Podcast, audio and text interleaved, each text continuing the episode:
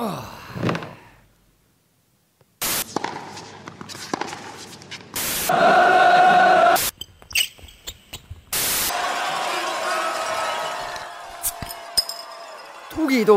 sportlane. tere, kallid Õhtulehe kuulajad, lugejad, vaatajad. on järg järjekordse siis Õhtulehe spordiringhäälingu, taskuringhäälingu tugitoolis sportlase käes ja täna on mul siin stuudios rõõm tervitada Eesti kümnevõistlejat, kes, kes on juba hea tulemuse ära teinud, aga ees ootab ilmselt veel säravam äh, tulevik ja tema nimi on Johannes Erm, tere! tere, tore siin olla! Äh, enne kui juttude juurde läheme, täpsustan äh, selle ka siin saatejuhina üle, mina kui Jarmo Jagomägi, et lindistame saadet esmaspäeval, aga eetrisse läheb, läheb ta alles reedel, nii et kui siin mõned jutud võib-olla tunduvad kummalised, siis, siis see on selle tõttu igatahes Johannes, hakkame pihta, et äh, praegu on selline kesksuvi, inimesed puhkavad, käivad rannas, äh, naudivad, ütleme nii, suve, et äh, ma kujutan ette, et sinul päris, päris nii vabasid käsi ei ole, et sina pead kõvasti trenni tegema ja võistlema. jah, et ma endale nii palju puhkust ei ole saanud lubada või noh, tegelikult mul pole ühtegi spordivaba nädalat olnud juba augustist saadik. aga kui ma leian aega, siis ma käin kindlasti sõpradega kas rannas või lihtsalt grillimas. kas ja millal kümnevõistleja üldse puhkab või mitmevõistleja siis? mina ei tea, ma tõesti ei tea, millal ma puhkan, siis kui ma magada saan et sul ei ole ette nähtud sellist mingit paarinädalast pausi täitsa? peale kümnevõistlusi tuleb alati kergem nädal, aga, aga puhkuse jaoks küll väga aega ei ole. Äh, räägi nüüd, kui kaua sa siin Eestis oled olnud ja millega, millega tegelenud oled? noh, ma tulin peale ülikooli meistrivõistluseid, tulin Eestisse, juuni keskel jõudsin ja siis kohe järgmine päev läksin trenni ja jätkasin samas vaimus edasi. eks ma jaanipäeva paiku käisin sõpradega maal, aga siis, siis ma sain ka trenni teha. Jaanipäeval olid kõik staadionid kinni, siis ma pidin Orissaares ümber tamme, ümber tamme jooksma Äh, nendele, kes siis veel ei tea, et äh, Hannes õpib teist aastat Georgia ülikoolis USA-s, et äh, kui sa siin Eestis oled, kas sa teed siin omal käel trenni või siin mõne sellise nii-öelda vana, vana treeneri käel või kuidas see asi sul käib siin? praegu ma olen enamasti omal käel trenni teinud, sest mu õige treener on ikkagi välismaal, aga kui mu vana treener linnas on, siis ma olen temaga teinud ja kui teivashüppetrennid on või siis mõned tuttavad üldse trennis on, siis ma olen nendega rääkinud, et saaks koos teha. on raske üksi teha ka või, või on ikkagi nii palju nii-öelda kogemust ja pagasid, et tead, mis tegema pead ja kuidas tegema pead? ei noh, tean küll, mis tegema peab. peale igat katset tean, mis ma valesti tegin või õigesti tegin, aga, aga hea on, kui keegi vaatab ja kellegagi koos on. Sotsiaalmeedias sai näha, et eile külastasid ka laulupidu, et see on selline rahvuslik värk, et kuidas, kuidas see üritus sulle meeldis? ma käisin mõlemal, käisin tantsupeol ja laulupeol. mulle isiklikult meeldis tantsupidu rohkem. miks aga... nii? no ma olen rohkem sportlane ja seal on liikumist rohkem sinu nii-öelda hobide juurde veel pärastpoole jõuame, aga, aga on teada, et sa oled ka igasuguseid asju proovinud oma elus, lisaks siis eh, kergejõustikule, et eh, oled sa ise ka äkki olnud kuskil ütleme, et laulukaare all või, või tantsuplatsil kunagi? ma eile just mõtlesin, et kümme aastat tagasi laulsin seal.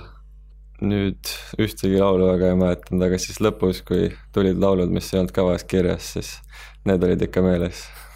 Kas liiga palju rahvast ei olnud seal või tundus telepildist, me ise ei olnud seal, aga tundus, et, et ega sinna palju rohkem inimesi ei mahtunud ka? rahvast oli küll liiga palju, aga mul oli pingikoht ja siis ma istusin seal ja nautisin, nautisin melu kerime nüüd natuke ajaratast tagasi ja läheme sinna, ütleme, paari aasta tagusesse.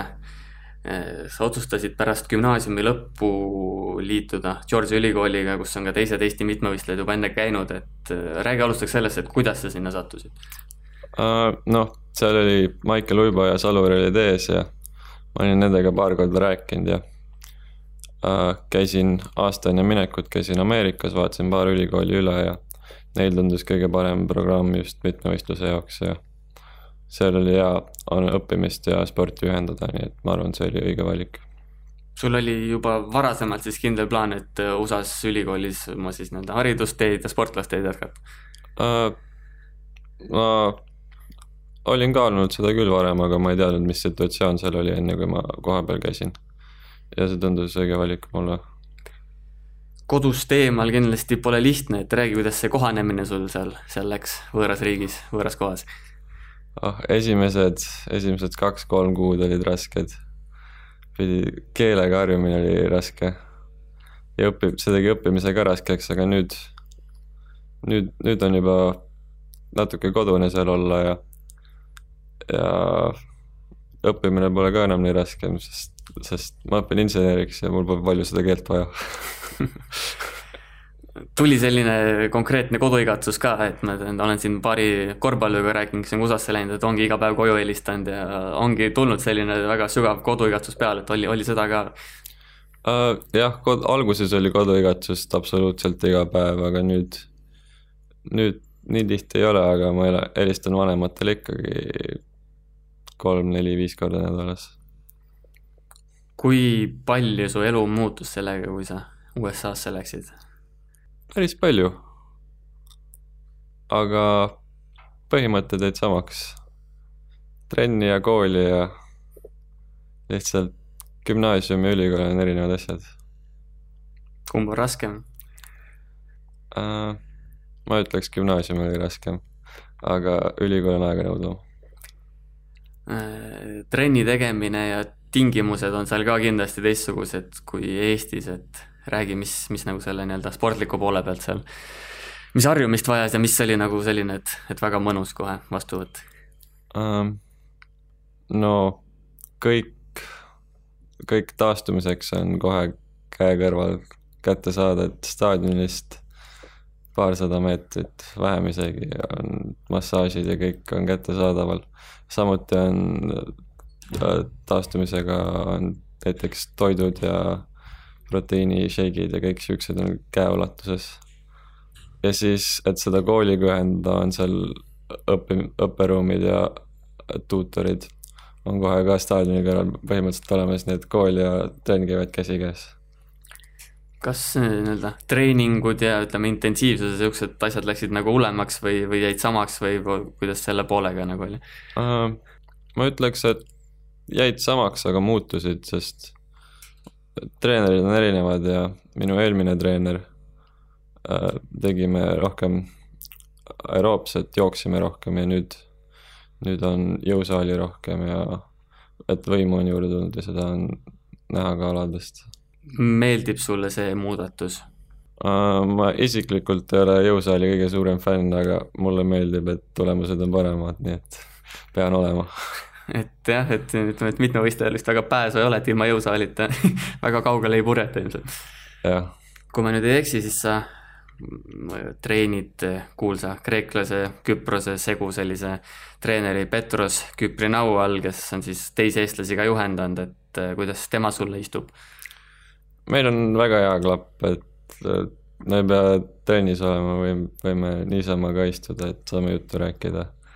et mulle väga meeldib et ta on vist selline mees, kes äh, tahaks kõik Eesti kümnevõistlejad, mitmevõistlejad enda käe alla võtta, et äh, et äh, ta on vist öelnud ka, et talle meeldib, et eestlased viitsivad trenni teha, et, et on ja. nii. jah, kui potentsiaali on näha, siis, siis kindlasti võib liituda meiega treeninggrupiga nagu ütlesid, siis Georgias on juba enne ka olnud Eesti mitmevõistlejad ees, et eestlase, Eesti ja eestlased peaks seal päris, päris kuulsad sellisel juhul olema, et sa ütled, tuled Eestist, siis nagu võiks ju teada juba, kuigi reeglina USA-s ei teata, kus Eesti on ja mis, mis asjas. enamus inimesed ikka ei tea, kus Eesti mm. on, lihtsalt need, kes kergejõustikku teevad, meil teavad, aga sellega see piirdub ka. üritad siis seletada, kus Eesti on või, või, või pigem, pigem jätad selle asja nii, nagu on? Äh, kui nad küsivad, kus Eesti on siis ma teen natuke nalja, et ma ütlen, et ma olen Floridast või siis ma olen selle kaheksakümne kuuenda tee pealt ja siis, kui nad saavad aru, siis ma ütlen, et ikka seletan, kus me oleme. aga vist reegel on see, et ei, et ei tohi öelda, et oled Venemaa kõrval, et siis kõik arvavad, et Eesti on Venemaal või midagi, ma olen seda kuulnud varasemalt. no ma, ma isiklikult ei maini Venemaad, aga kui väga vaja läheb, et aru saada, siis jah, aga ma isiklikult alustan Saksamaalt ja siis tuleb Poola ja ja nii edasi. Äh, räägi natuke üldisest eluolust seal, et äh, ütlesid, et kõik on käe-jala juures, et kuidas sul see nii-öelda elamine ja treeningud ja õppimine korraldatud on, kas sa elad seal kuskil kohal seal campuses sees või kuidas, kuidas selle poolega on? ma esimese aasta elasin ühikas ja siis ma võtsin endale teiseks aastaks korteri. korter oli, korter on kuskil kakssada meetrit staadionist, nii et saab võimalikult kaua magada aga staadion, kakssada meetrit on staadionile ja sealt veel paarkümmend meetrit edasi on kõik ülejäänud, mis kätte saada. ja, ja siis sealt natuke kaugemale on, on kõik õppeasutused. kui suur rõhk kul-, kulub treenimisele ja kui suur rõhk kulub õppimisele? treenimisele läheb kõik aeg, mis treenimiseks plaanitud on ja siis natuke rohkem. Ja siis õppimisel semestri alguses on palju motivatsiooni ja siis korraks kaob motivatsioon ära ja siis sa näed, et semester hakkab lõppema, siis tuleb jälle tagasi. aga mul hinded on kõik head A-d, B-d, nii et ma arvan, et mõlemad, mõlemaid panen täiega. kui nüüd nii-öelda see asi tundidesse ümber konverteerida, siis palju sa ma ei tea, ütleme, et nädalas näiteks keskmiselt õpid ja kui palju sa keskmiselt treenid, oskad sa umbes öelda, või päevas näiteks? Ma ei olegi selle peale mõelnud ilmselt päevas teed ikkagi kaks trenni vähemalt, ma kujutan ette. kergejõustiku peale ütleme, läheb päevas kolm kuni viis tundi. mitte ainult trenni peale, aga just taastumisharjustused ja massa-, massaažid ka veel lisaks. ja siis õppimise peale loengud pluss, pluss kodutööd, ma arvan, neli-viis tundi jälle. Päevad on sisustatud et sellist niisama passimiseks aega ei jää pigem üle. ei jää. Äh, ütlesid, et taastumisel on seal nii-öelda head võimalused, kõva rõhk, et äh, kas sa nagu oled selles osas teadlikumaks ka saanud, et ma ei tea, näiteks Eestis ei viitsinud võib-olla nii palju sellele keskenduda, aga nüüd, nüüd oled rohkem või sa oled kogu aeg ikkagi selles, selles mõttes teadlik olnud uh,? noh, ma arvan, ma olen suhteliselt kogu aeg sellest teadlik olnud, et ära, ära tee midagi, mis sulle haiget teeb. aga, aga eks ma uusi masinaid ja võtteid ja asju olen näinud ja olen nüüd rohkem kogenum selles osas. mingeid toidulisandeid ilmselt läheb ka nüüd rohkem kui, kui varem või? ei, toidulisanditest võtan suhteliselt samu asju, mis ma võtsin kolm aastat tagasi näiteks. Ainult keratiini on juurde tulnud muud kreatiini ma nooremana ei võtnud. kuidas see üldine USA eluolu sulle sobib, ma ei tea, alustades söögist, lõpetades üldise kultuuriga mm.? Eesti toit on selgelt parem Eesti toitu ma igatsen vahepeal. aga, aga ma ütleks, et Ameerika toit on ka hea, aga ma üritan ise endale süüa teha, nii et natuke mõlemast kultuurist. on seal siis ka nii, et äh, üheksakümmend protsenti on kiirtoit ja siis ülejäänud pead ise kuidagi vaatama, kuidas saad burgerid, friikad, pitsad? see, see oleneb, mis sa ise süüa tahad hmm.. ma ikka üritan tervislikult toituda. ja mis see sinu jaoks tähendab, tervislik toitumine? mis sa endale teed süüa? liha, salatit, noh, et kõik oleks tasakaalus, proteiin süsivesikud ja rasvad ja vitamiinid ja mineraalid ja. kui tähtsaks sa toitumist pead kogu, kogu oma nii-öelda sportlase, sportlase olemuse juures? toitumine on minu arust tähtis, aga minu arust see kõige tähtsam ei ole, et kõigepealt tuleb trenn ja taastumine. ja kuna ma teen kümnevõistlust, sest ma põletan nii palju kaloreid, et siis kui väga häda on käes, siis kõige tähtsam on ikka õige kalorikogus kätte saada kuidas selle sportlase elu vaimse poolega on, et kas seal on ka mingisugused, ütleme, mingeid spordipsühholooge või ma ei tea, kelle poole saaks pöörduda, kui mingid rasked ajad on või mingeid otsuseid, mida ei oska teha, on, on, on sul üldse vaja näiteks mingit sellist ka nii-öelda vaimse poole abi? ma arvan, et seal on, aga mina isiklikult ei, ei ole vajanud midagi. Et kümnevõistlejal peab olema tugev iseloom ja, ja mul on vedanud, et mul on üks ja läbi valu suutma kassi taha, kui vaja. jah. oled sa kokkuvõttes rahul sellega, et sa USA-sse läksid? jah, ma olen väga rahul. Äh, siit nüüd edasi minnes äh, on juba räägid, sa juba ütlesid ka, et sul on äh, tulemused paremaks läinud ja olgem ausad, juuni alguses tulid üliõpilasmeistriks ja üldse mitte paha tulemusega, kaheksa tuhat kolmsada viiskümmend kaks punkti. alustuseks ütle, jätame selle punktisumma kõrvale, et kui tähtis oli üliõpilasmeistriks tulla? no üliõpilasmeistriks ma tahtsin tulla kohe, kohe selle ideega, et kui ma Ameerikasse läksin, et siis see on üks kindlatest eesmärkidest. ja nüüd järgnevatel aastatel on eesmärk seda tiitlit kaitsta. aga ma isiklikult olen mõelnud, et tuleb panna suured eesmärgid, et siis, kui need on saavutatud, siis, siis, siis sa ei oska midagi oma eluga teha, nii et see ei ole, see ei ole nagu põhiline eesmärk olnud mul. kaasneb selle meistritiitliga mingeid hüvesid ka, ma ei kujuta ette, mingit, mingit stipendiumit või mingit raha või midagi või on lihtsalt medal, diplom ja hea tunne? medal, diplom ja hea tunne materiaalselt rohkem ei tulnud sealt ei tulnud. Äh, räägime siis punktisummast ka, et kaheksa tuhat kolmsada viiskümmend kaks, äh, kahekümne ühe aastasena said sellega hakkama. läbi aegade on ainult kuus Eesti meest sellest parim, parema tulemuse teinud, et äh, kuidas ise sellesse punktisummasse suhtud? selles mõttes, on see, on see see, mida sa ootasid juba, juba sel hetkel? ma vaatasin kuu või kaks ette, ma vaatasin, et mis tulemused ma peaks tegema, et kaheksa tuhat kolmsada viiskümmend ära teha, et olümpianormi ära saada. ja esimese päeva järel olin graafikust ees ja teise päeva järel olin kaks punkti ees. aga ma olin nagu äkki võib-olla eelmisel aastal võimeline selleks, aga siis peaks, siis oleks pidanud perfektne kümnevõistlus olema, aga nüüd, nüüd oli natuke ruumi eksimiseks ka. sa tegid päris täppistööd, et kahe punktiga siis olümpianormi, et nagu ma su jutust aru saan, siis see ikkagi üllatusena ei tulnud, et sa, et sa selle punktisumma kokku panid? kindlasti tuli üllatusena, sest mingi kaks nädalat enne ei olnud üldse sihuke tunne, et ma olen nüüd täiesti valmis, et kõik ära teha, aga, aga esimene päev läks hästi ja selle pealt, emotsiooni pealt läksin edasi ja kaheksa, kolm, viis, kaks ja tuli ära ütlesid, et ei olnud päris ideaalne võistlus, et kust nagu puudu jäi ja kust nagu tuli selline jube hea purakas, kus sa väga ei oodanud võib-olla isegi? kaugushüppes teisel katsel jäi mul samm kaugele ja siis põrutasin natuke oma hüppeliigest. ja siis see piinas mind terve võistluse. kõrgushüppes ma tegin ainult neli katset. sain algkõrgusest üle, jätsin ühe vahele, siis ajasin maha ja sain üle, siis jätsin ühe kõrguse vahele ja siis sain esimesel katsel üle ja siis ma rohkem ei hüpanud, sest hüppeliiges lihtsalt ei pidanud vastu. ja neljasaja meetri jooks oli tõesti hea, ma ei tea, kust mul see nelikümmend seitse neli välja tuli.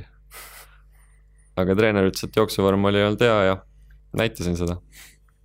arvestades, et sa pooleldi vigasena võistlesid, siis oleks võinud sealt ju veel paarkümmend punkti vähemalt juurde tulla näiteks.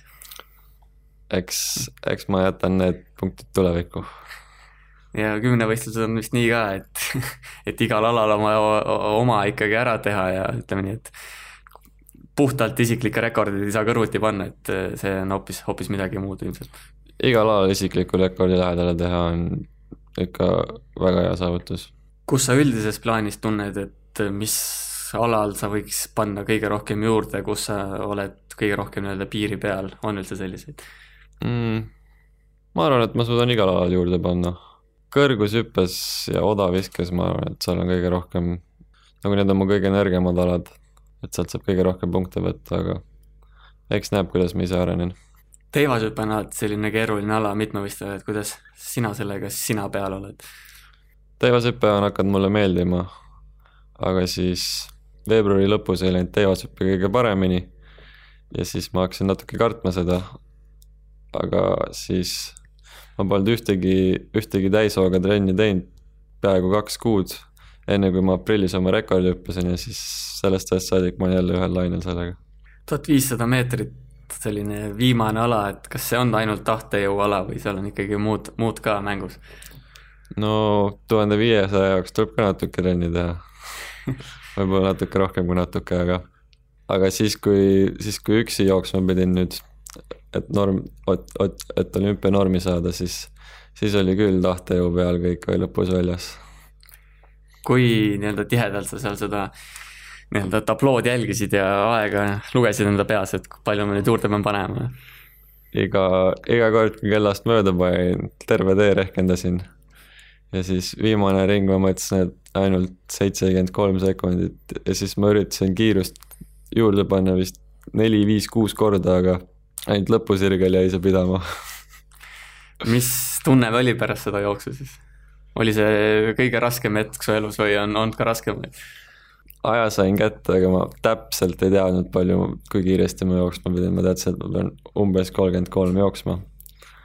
ja siis oli kolmkümmend kolm kuus vist ja siis ma jäin seda tablood vaatama ja siis tulid kõikide ajad ja see kestis nii kaua, kuni lõpuks need õiged tulemused üles pandi ja siis, kui kaheksa tuhat kolmsada viiskümmend kaks oli ees, siis ma karjusin rõõmust.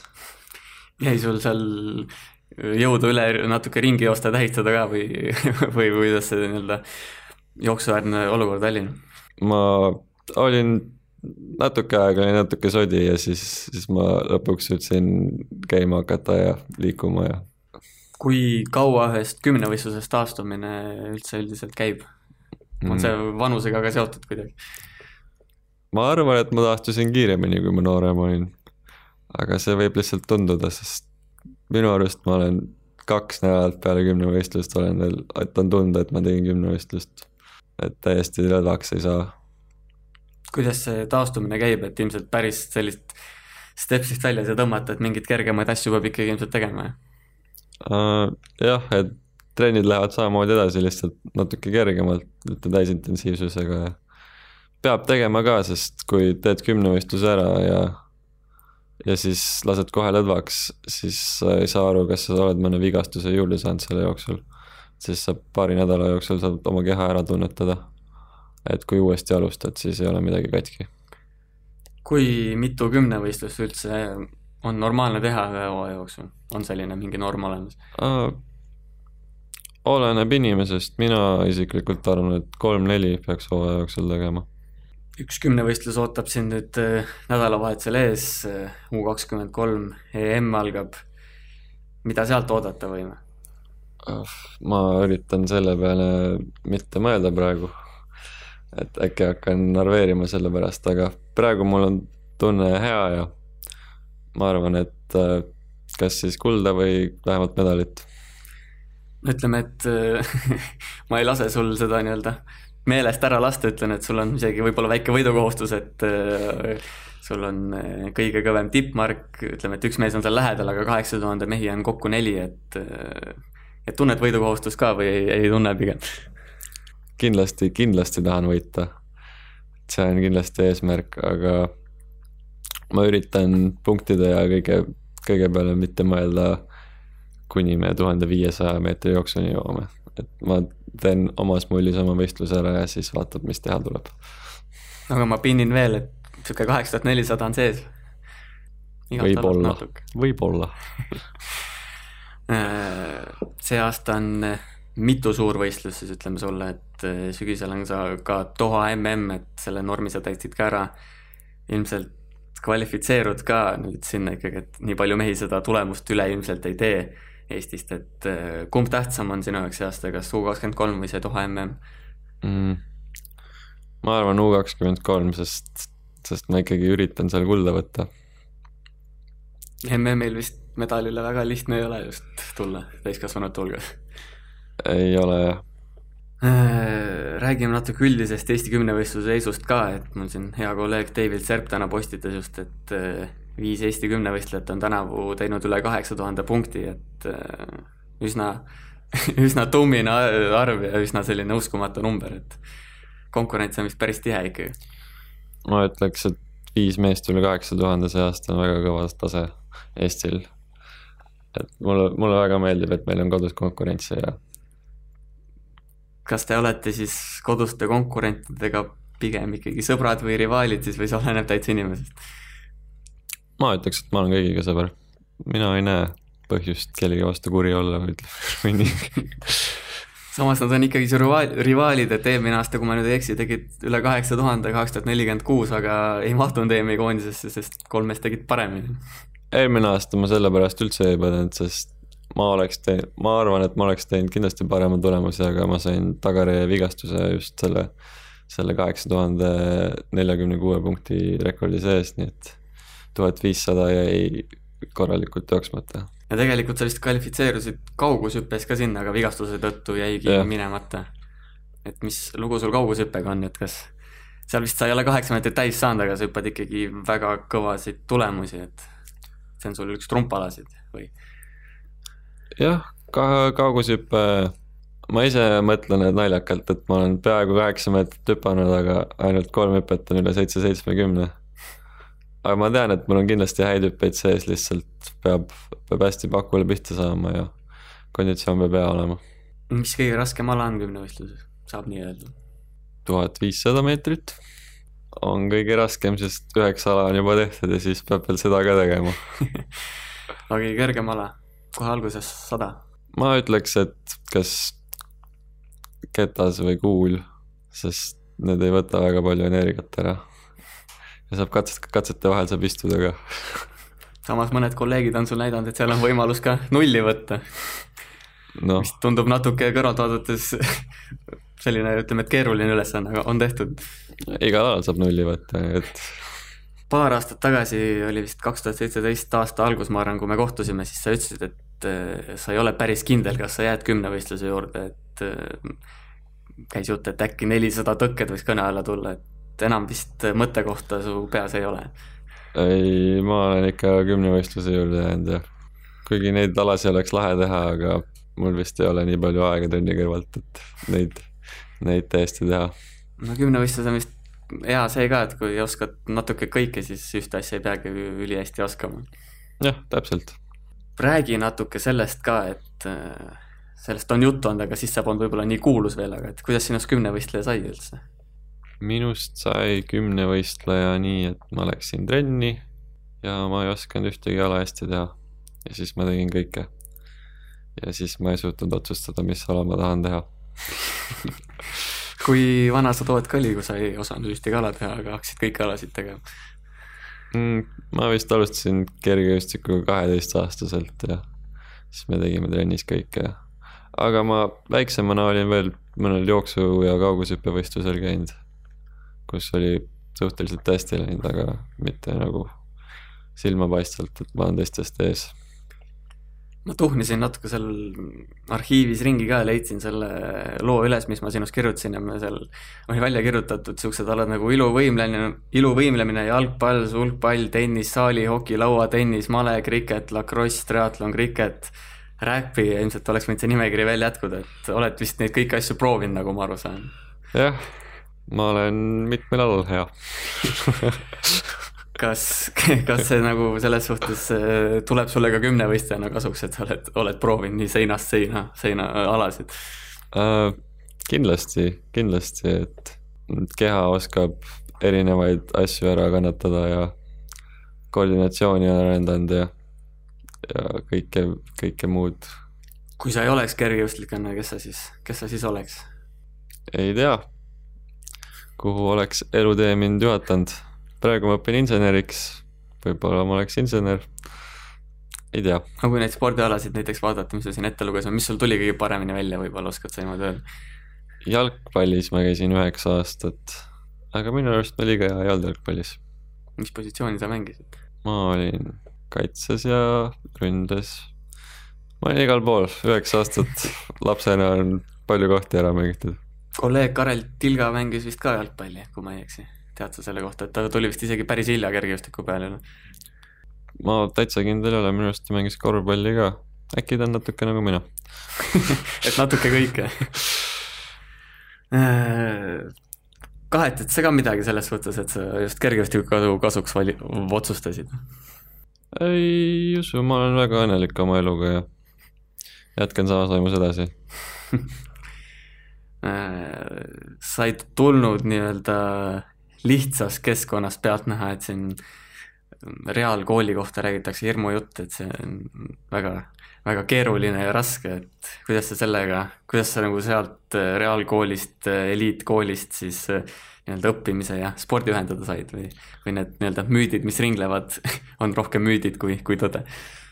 ei, mul olid, koolis olid kindlasti väga pikad päevad ja siis trennid veel otsa, mul vist kõige pikem oli, et lähed kaheksaks kooli ja saad viiest ära ja siis ma lähen veel trenni ja ma ei tea, mis kell ma veel koju jõudsin, aga ma arvan, et see on mu iseloomu arendanud ja, ja teinud minust inimese, kes ma olen täna. aga said sa mingeid kokkuleppeid seal ka õpetajatega teha või, või reaalkoolis need asjad ikkagi nii ei käi päris?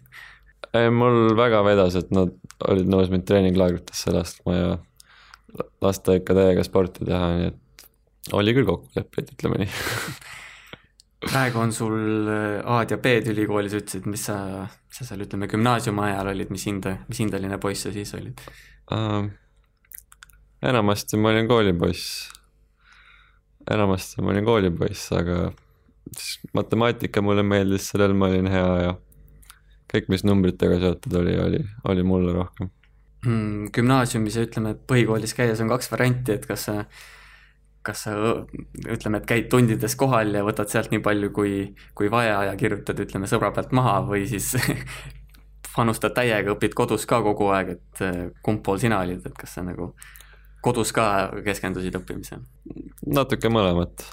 ma arvan, et eh, sai sõpradega diile tehtud küll, et ma teen ühe poole ära ja siis keegi teeb teise poole, aga, aga minu arust ma olin üsnagi korralik koolipoiss et ma väärisin oma kolmesi siis, kui ma oma kolmedele õppisin ja kui ma sain viisi, siis ma väärisin enda viisi. nüüd õpid eh, ülikoolis inseneriks. Eh, kui tähtsaks sa pead ülikooli haridust ja ütleme sellist õppimist nüüd siit spordi kõrvalt? ma pean päris tähtsaks, et kui, kui, kui mingi vigastus või mingi asi peaks kunagi üldse juhtuma või mingi hetk kunagi lõpeb ikka karjäär ära, siis siis tuleb eluga ikka midagi edasi teha ja, ja siis on töökoht olemas, kui on haridus olemas. noh, sportlased mõtlevad ju tihtipeale nii ka, et et kuidagi ikka spordis rakendust leiab, et ma ei tea, treenerina või kuidagi abilisena, et seda plaani sul noh, vara teha ka niisugust plaani muidugi, aga aga inseneriala on hoopis, hoopis teisest valdkonnast. No mul on lapsepõlvest saati on numbrid huvi pakkunud ja ma puhast matemaatikat või füüsikat ei tahtnud ülikoolis õppida ja siis inseneriametis ma arvan, et on kõige rohkem rakendust sellel.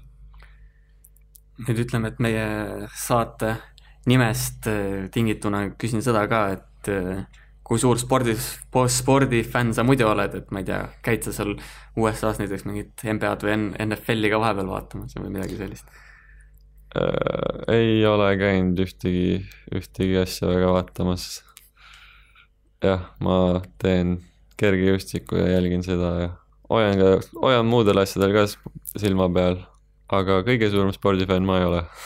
kui palju sa Eesti asjadel silma peal hoiad, kui sa USA-s oled? kui midagi, mingi uudis kuskil netis mulle ette tuleb, siis ma loen üle, aga aga nagu konkreetselt ma kursis ei ole kõigega. Kui palju sa üldse kodus saad käia sealt USA-st, et ma ei tea, jõuludeks või kuidas, kuidas see süsteem sul käib, et praegu suvel oled kodus, nagu ma näen kaks korda aastas, jõuludeks ja jõuludeks ja suvel. suvel on siis kolmeks kuuks põhimõtteliselt või, või natuke vähem uh,? nüüd ma saan olla kaks kuud, ma olen augusti keskel tagasi. ja lõpetuseks siis paneme natuke jälle pingeid peale, et uh, kui kõva punktisumma mees sa potentsiaalselt ikkagi oled siin nüüd tulevikus? nagu ma enne ütlesin, et siis minu eesmärgid on kõrgemad, kui, kui nad peaks võib-olla et ma olen pannud endale eesmärgiks üheksa tuhat kakssada punkti. et kui see kunagi tuleb ära, siis, siis ma olen õnnelik, aga siis ma ei tea, mis oma eluga teha. aga niikaua ma jahin seda.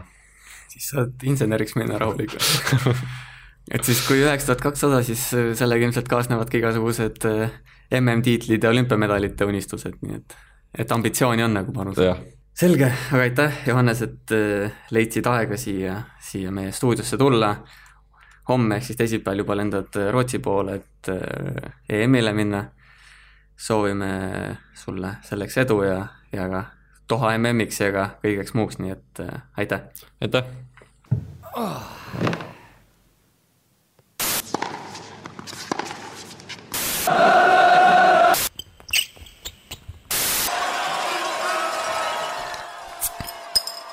tugitoolis sportlane.